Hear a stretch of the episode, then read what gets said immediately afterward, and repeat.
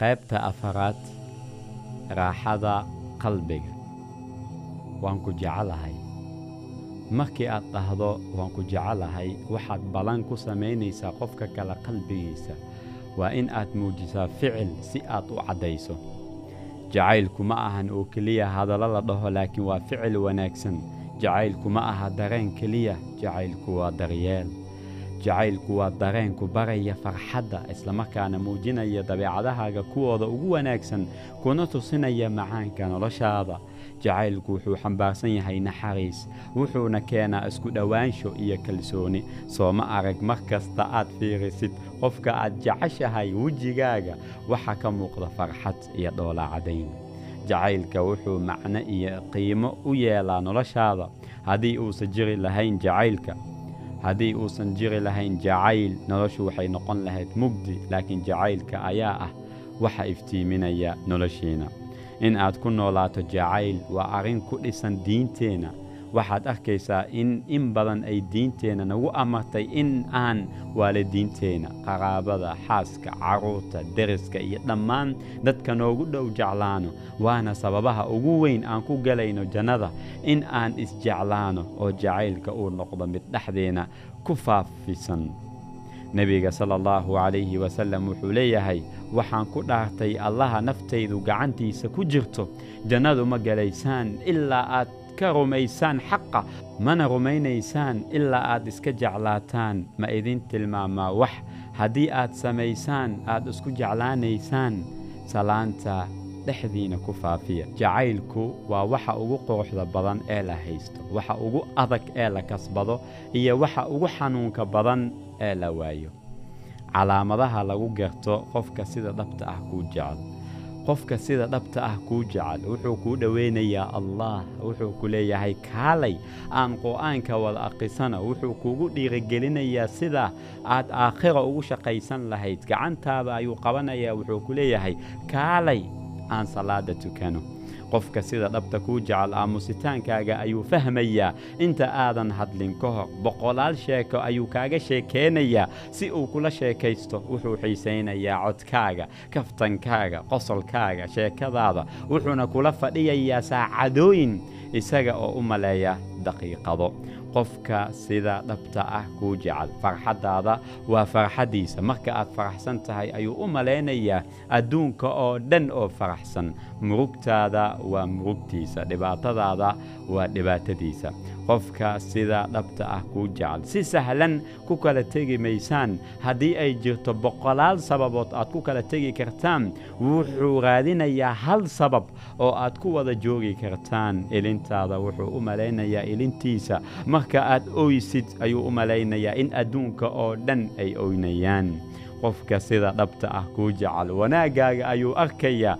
Marka aad xanaaqsan tahay qofka sida dhabta ah kuu jecel. Haddii aad waddan ka tagto oo aad safarto waxa uu arkayaa in waddanka oo dhan ay safreen. Dadka oo dhan uma jeedo ilaa adiga. Qofka sida dhabta ah kuu jecel wuxuu kaa fakerayaa adiga oo aan ogayn jacaylkiina ayaa wax walba ka sareeya wax walba adiga ayuu kaa horumarinayaa. Qofka sida dhabta ah kuu jecel waxa uu ku siinayaa kalsooni. Marka dadka oo dhan ay kaa tagaan ayaa isaga kula joogo.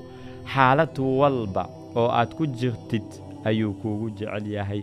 Sharaftaada ayuu ilaalinayaa danahaaga ayuu ka fakerayaa waxaa ka mid ah calaamooyinka alle inuu idinka abuuray naftiina haween si aad isugu xasishaan dhexdiina yeelay jacayl iyo naxariis. Meelaha laga raadiyo xasiloonnida kalgacaylka una ah tusaale naxariista ayna ka mid tahay aayadaha alle uu ragga iyo dumarka isu yeelay lamaane isu baahan oo noloshooda midba midka kale dhammaystirayo. Waa guurka ku bilowda bilow wanaagsan iyo doorasho nafta raalli ku noqotay. Alla qur'aankiisa wuxuu ku leeyahay guursada wixii idin wanaagsan. Nebiga sala allahu calayhi wasallam wuxuu leeyahay lama arag laba isjecel waxa ugu wanaag badan sida nikaaxa. Taas waxaan ka fahmaynaa marka guurka ay ku bilaabato raali ahaansho iyo ka helitaan in guurkaas uu noqonayo guur lagu waaro oona ku dhisan jacayl. Jacaylkaas oo saldhig u ah farxad sida baaritaanno badan oo la sameeyey guurka ayaa lagu ogaaday in guurka uu keeno farxad. Doorashada lamaanaha waa doorasho kan ugu adag. Sidaas awgeed waxaa muhiim ah in aad si fiican oo xeel dheer ugu fekertid qofka aad noloshaada la qaybsan lahayd habdhaqankiisa shakhsiyaddiisa. Intaas waxay noloshaada u horseedi karaan farxad raynrayn iyo raaxo guur. Ka jawaab su'aalahan si aad u ogaatid gabadha ama wiilka kuugu habboon ee noloshaada. Su'aasha koowaad qof sidee ah ayaad rabtaa in aad guursatid? Tilmaam ugu yaraan shan sifood. Qor dhammaan dabeecadaha aad ku dooranaysid waa maxay waxyaabaha muhiimka kuu ah ee aad ku dooranaysid sida diinta da'da lacagta aqoonta quruxda sharafta iyo wixii la mid ah? Waa maxay waxyaabaha aad ka sugayso qofka aad nolosha la wadaagaysid? Wiil ayaa hooyadiis weyddiiyey sideen u heli karaa gabar igu habboon? Hooyadii ayaa ugu jawaabtay ha ka welwelin helidda gabar wanaagsan. Xoogga saar sidii aad u noqon lahayd nin wanaagsan. Sababtoo ah alla wuxuu leeyahay kuwa wanaagsanna waxay u sugnaadeen kuwa wanaagsan. Oo macnaheedu ay tahay haddii aad adiga wanaagsanaatid in aad helaysid qof wanaagsan. Sifooyinka lagu doorto ragga iyo dumarka waxaa saldhig u ah laba sifo diin iyo dabeecad. Sida nebiga sala allahu calayhi wasallam uu ku yidhi xadiis saxiix ah haddii uu idin yimaado qof aad diintiisa iyo dabeecaddiisa raalli ku tihiin u guuriya. Haddii kale xumaan iyo dhibaato weyn baa dhulka ahaanaya. Xadiiskan waxaad ka fahmi kartaa in diinta iyo qofka dabeecaddiisa aan isku xidhnayn maxaa yeelay si kasta oo qofku uu diinta u yaqaan wuxuu noqon karaa qof dabeecad qalafsan. Taas awgeed diinta qofka wanaagga ayay baraysaa dabeecadduna qofka dhaqankiisa ayay wanaajinaysaa hadda ka hor ayaa nin baa nin kale weyddiiyey gabar ayaan dhalay yaan u guuriya. Markaas ayuu ugu jawaabay u guuri mid diin leh ilaahayna ka cabsanaya sababtoo ah haddii uu jeclaadana wuu sharfayaa haddii uu xanaaqana kuma xadgudbayo. Haddii aad isweyddiinaysid qurux looma guursado miyaa waxaan ku leeyahay qof kaste oo inaga mid ah quruxda wuu jecel yahay laakiin qof kasta quruxdu si ayuu u arkaa way wanaagsan tahay qofka inuu guursado qof isaga la qurxoon laakiin quruxda wejiga yaysan noqon ujeeddada ugu weyn qofka aad nolosha kula wadaagayso. Sababtoo ah quruxda mar kasta uu qof da' ku timaado way sii dhammaanaysaa laakiin waxaa ee haraya waa qofka habdhaqankiisa uu kula dhaqmaya lamaanihiisa uu nolosha la wadaagayo. Ha raadin qof qurux badan laakiin raadi qof ka dhigaya noloshaada qurux. Talooyin muhiim u ah doorashada lamaanahaaga. Ha raadin qof buuxa oo ka dhammaystira meel kasta ee raadi qof aad isfahmaysaan hadafkiina noloshu ay tahay mid isku mid ah. Isweydii lamaanahaaga ma u qalmaa in uu noqdo hooyo ama aabbo carruurtaada mustaqbalka mana qaadi karaa mas'uuliyaddooda ogow familka uu ku soo koray lamaanahaaga sababtoo ah dhaqankiisa iyo qaabka uu u fakerayo ayay qayb ka qaadanaysaa waana la xididi doontaa. Guurku wuxuu sitaa barako ee ha ugu cabsan dhaqaalo owgeed alle wuxuu leeyahay haddii ay sabool yihiin alle isagaa deeqdiisa ku hodminaya. Kala sheekayso qofka aad rabto in aad guursato sida aad u rabto in ay noqoto noloshaada iyo qaabka aad u rabto in aad u wada noolaataan. Eegmada guurka ka hor waa muhiim. Waxay qalbigaaga gelinaysaa qanaaco iyo danayn. Guurkuna wuu ku barakoobaa ha u guursan si aad dantaada u gaarto sababtoo ah guurka waxa saldhig u ah jacayl. Jacaylkuna ma ahan danaysi. Waxaad iska ilaalisaa in aad guursato qof leh laba dhaqan oo kale ah qof ka hadlaya gacmihiisa oo xanaaq badan iyo qof bakhiil ah ha ku raacin muuqaal way ku qaldi karaan. Ha ku raacin dhaqaale wuu dhammaan karaa. Dooro qof farxad kuu keeni kara. Sababtoo ah dhoola caddayn keli ah ayaa maalin mugdi ah ka dhigi karta iftiin. Kala dooro haa ama maya si aad boqolkiiba boqol u ogaatid in qofka aad rabtid in aad guursatid uu yahay midka kuugu habboon noloshaada. Diyaar ma tahay? Haa su'aasha koowaad isku aragti ma ka haysataan guurka? Su'aasha labaad ma isku fahantaan si walba? Su'aasha saddexaad ma ka heshaa daryeel naxariis kalgacayl ama ixtiraam? Midka afaraad xiriirka salaadda ma yahay mid toosan. Midka shanaad ma wanaagsan yahay xiriirka labada waalid? Midka lixaad ma ku kalsoon tahay? Midka toddobaad isku aragti ma ka haysataan xalinta haddii aad iskhilaaftaan midka siddeedaad ma jeceshahay in noloshaada inta ka dhiman aad la noolaato? Midda sagaalaad ma leeyahay ma leedahay dulqaad sabar midka tobanaad sida aad u kala qaybsan lahaydeen mas'uuliyadda idin saaran ma ku heshiiseen? Natiijada haddii jawaabta mid ka mid ah ay noqoto maya waa in aad si fiican uga fekertaa sababtoo ah ma ahan xiriir muddo jiri doona. Haddaba si fiican uga feker. Ka wada sheekaysta su'aalahan si aad isku barataan. Waa kuma asxaabtaada kuugu dhow. Ma tahay qof bulshada caawiya? Qof sidee ah ayay dadka kuugu tilmaamaan in aad tahay maxay tahay dhaqamada aad jeceshahay in aad aniga igu aragto? Maxaa ku farxad geliya si aan u sameeyo? Ma jiraan dhaqamo aad adiga dhibsato? Maxay tahay waxa aad aniga iga sugayso? Sideed u ilaalisaa nadaafaddaada jirka dharka guriga. Ma jiraan xanuuno aad ka tabanayso qaabkeed jeclaan lahayd inuu arooskeennu u dhaco. Meeqa carruur ayaad jeceshahay in aad dhashid. Sidee ayaad jeceshahay in aan ilmaheenna u tarbiyayno? Ma jiraan shaqo tabarruc aad dadka u qabato. Heerkaaga waxbarasho intee ayuu gaarsiisan yahay? Bilow qurux badan tusaalaha ugu quruxda badan nolosha lamaanaha soo martay waa habdhaqankii nebi sal salam uu kula dhaqmay xaasaskiisa. Guriga nebiga sala allahu calayhi wasalam wuxuu ahaa guri ka tarjumayo hadalka alleh uu ku amray dhammaan lamaanaha in ay iskula dhaqmaan. Wanaag macruuf kula noolaada. Maan wanaag macruuf kula noolaada. Macruuf oo micnaheedu tahay ficil wanaagsan hadal dabacsan iyo dabeecad fudud. Waxaana loo baahan yahay lamaanaha mid kasta in uu ogaado hadalka alleh waxay wanaag ku leeyihiin inta iyaga lagu leeyahay oo kale oo micnaheedu ay tahay in lamaanaha ay isku leeyihiin xuquuq isku mid ah. Loo baahan yahay mid kasta in uu ku dadaalo sida midka kale uu u wanaajin lahaa bangiga jacaylka qalbiga waxaa ku furan bangi. Bangigaas oo lagu magacaabo bangiga jacaylka.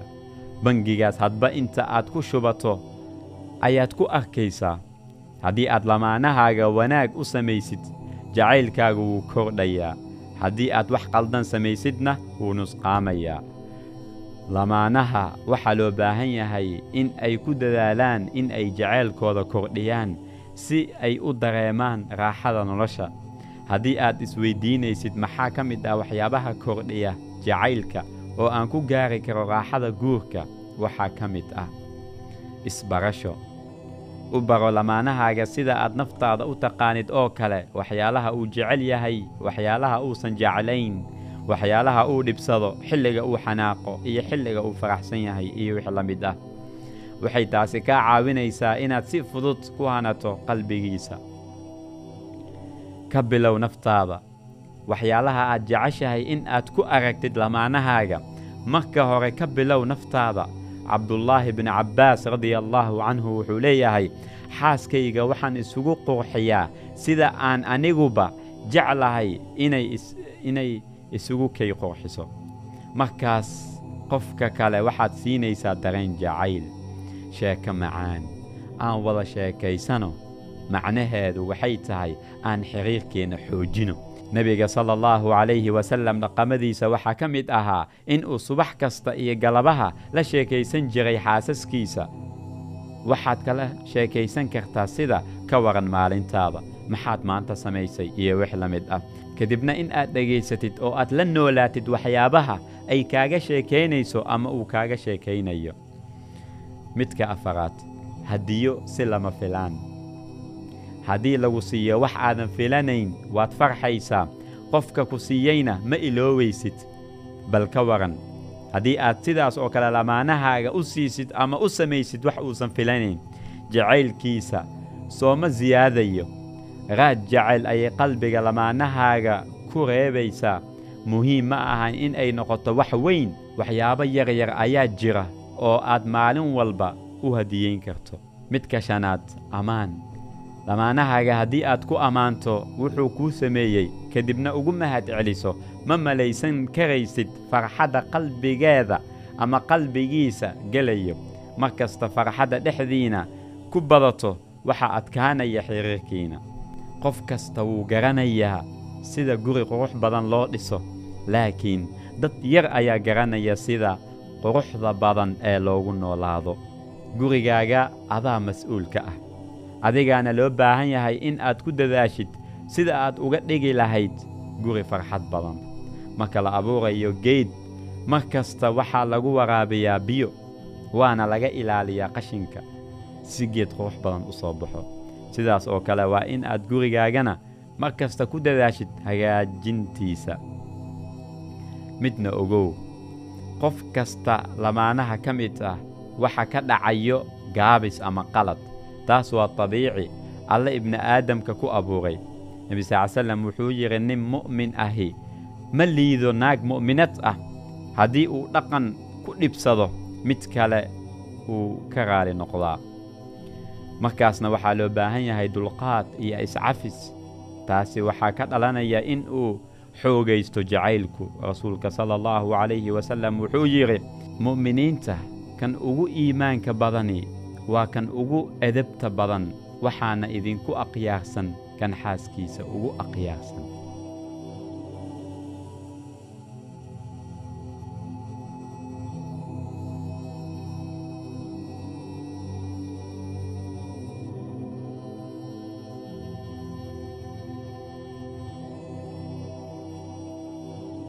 Jacayl joogto ah maalin maalmaha ka mid ah ayaa nebiga sala allahu calayhi wasallam la weyddiiyey dadkayaad ugu jeceshahay wuxuu ugu jawaabay caa'isha kadib ayaa saxaabadu waxay dhaheen rasuulka allahow waxaan ula jeednaa ragga kadib wuxuu dhahay aabbaheed kama uusan xishoon jirin.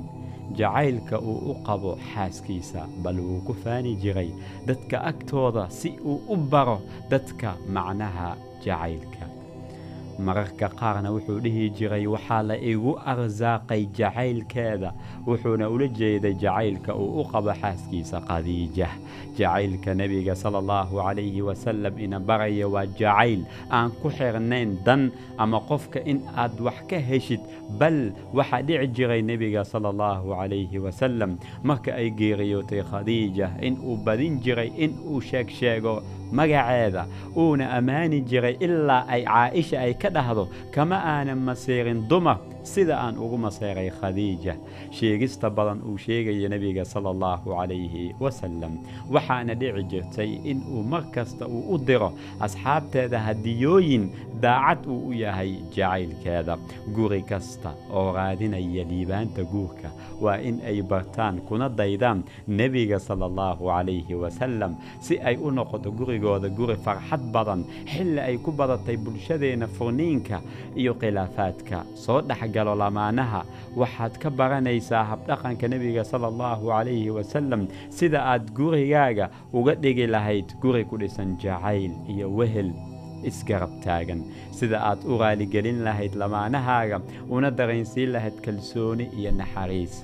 Habka aad nolosha isku wadaagi lahaydeen iyo waddada ugu fudud loo xaliyo khilaafka haddii uu yimaado qaar ka mid ah tusaalooyinkii nebiga sala allahu calayhi wasallam ina tusinaya sida uu xaasaskiisa ula dhaqmi jiray waxaa ka mid ah midka koowaad. Wuxuu la qaadan jiray wakhti gooni u ah si uu ula sheekaysto. Waxay leedahay hooyadeena caaisha radia allaahu canha wuxuu ahaa rasuulka alleh haddii uu ka soo baxo salaada casir in uu u geli jiray xaasaskiisa kadibna wuu u soo dhowaan jiray ibnu cabbaas wuxuu tilmaamay inuu nebi sal slam xilliga aroortii marka qoraxdu ay soo baxdo soo booqan jiray xaasaskiisa. Ibnu xajar wuxuu leeyahay booqashada aroortii waxay ahayd salaan iyo daco mida gelinka dambena weheltinimo iyo wada sheekaysi. Midka labaad wuu dhunkan jiray shumin jiray xilliga guriga uu ka soo baxayo nebiga sala allahu calayhi wasalam wuxuu ahaa marka uu guriga ka soo baxayo in uu dhunkado xaasaskiisa sida caaisha ay leedahay. Sidoo kale haddii uu sooman yahay xitaa wuu dhunkan jiray maadaama dhunkashada ay tahay waxyaabaha dareenka jacaylka kor u qaada. Midka saddexaad biyaha wuxuu ka cabi jiray meesha ay ka cabto caaisha radia allaahu canha waxay leedahay wuxuu ahaa nebiga sala allahu calayhi wasalam in uu ka cabi jiray biyaha meesha aan anigu ka cabayay ee uu afka ii saarnaa. Sidoo kale xadiis kale waxay leedahay wuxuu ka goosan jiray hilibka meesha anigu aan ka goosto. Wuxuu muujin jiray jacaylka xaasaskiisa uu u qabo xitaa cuntada iyo cabitaanka taasina waa raadka wanaagsan ee jacaylka lamaanaha aan weligiisa titirmayn midka afaraad wuxuu la qubaysan jiray xaasaskiisa. Nebiga sala allahu calayhi wasalam noloshiisa dhinac kasta marka aad ka fiiriso waxaa ka arkaysaa jacaylka tan ugu dhammaystiran.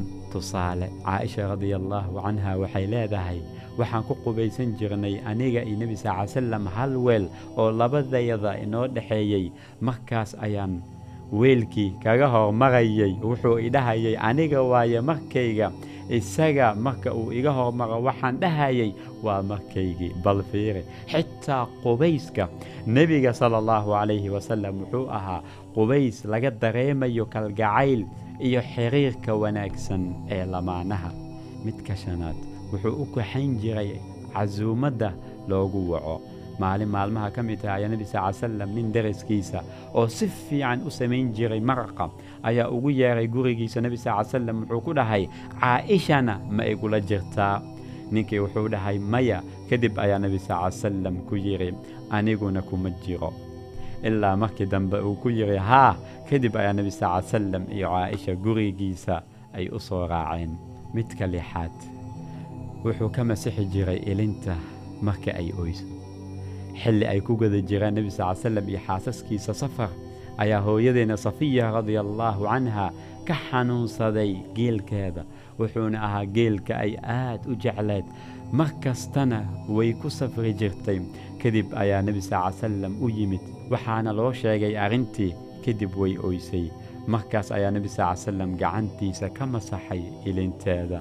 Nebi sal salam ma uusan xaqirin dareenkeeda iyo sababta ay u oynayso midka toddobaad wuxuu u ahaa xaaskiisa wehel iyo saaxiib. Caaisha radia allaahu canha iyada oo gudanaysa waajibaadka xajka waxaa ku dhacday caado markaas ayay aad u murugootay. Ilaa ay ka oyso kadib ayaa nebi sal salam u yimid. Wuxuu ku dhahay caado miyaa kuugu dhacday? Kadib ayay dhahday haa. Kadib ayaa nebi sal salam ku yidhi isaga oo qalbigeeda dejinaya arrinkani waa arrin alle uu ku waajib yeelay dumarka bini'aadamka ee sameey wuxuu samayn jiray xaajiga qofka xajka gudanaya.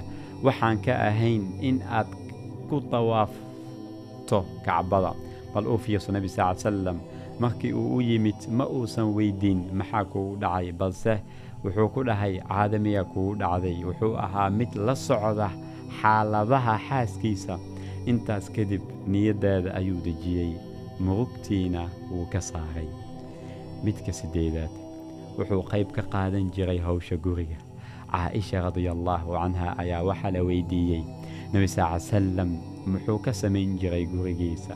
Waxay ku jawaabtay wuxuu ahaa qof u taagan shaqada reerkiisa. Axaadiista kale waxay tilmaameen in uu ahaan jiray nebi sal salam mid dharkiisa hagaajista kabihiisa nadiifista arigiisa caanaha ka lisa ehelkiisa danahooda u taagan. Nebi sal ly salam oo ah hogaamiyaha ummadda xilliga uu joogo gurigiisa wuxuu u taagnaa shaqada gurigiisa. Xilliga uu joogo meel ka baxsan gurigiisa wuxuu ahaa mid u taagan shaqada iyo danaha dadka. Miyaysan mudnayn? Innaguna in aan ku dayana rasuulkeena si aan u helno liibaanta qoyska. Midka sagaalaad orodka ayuu la tartami jiray wuxuu ahaa nebi sal salam mid la ciyaara xaasaskiisa. Mararka qaarna wuxuu la geli jiray tartan orod ah. Sida caaisha ay inoogu sheekaysay tartan orod dhex maray iyada iyo nebiga sala allahu calayhi wasalam waxa ay leedahay waxaan ahayn aniga iyo nebiga safar. Waxa uu iga codsaday in aan orod ku tartanno. Waan tartannay waana ka guulaystay muddo kadib ayaa nebi sal salam haddana mar kale iga codsaday in aan tartanno kadibna wuu iga guulaystay. Markaas buu inta uu qosla yiri tani tii hore u qaado isaga oo ula jeedo tartankeena hadda waa bareejo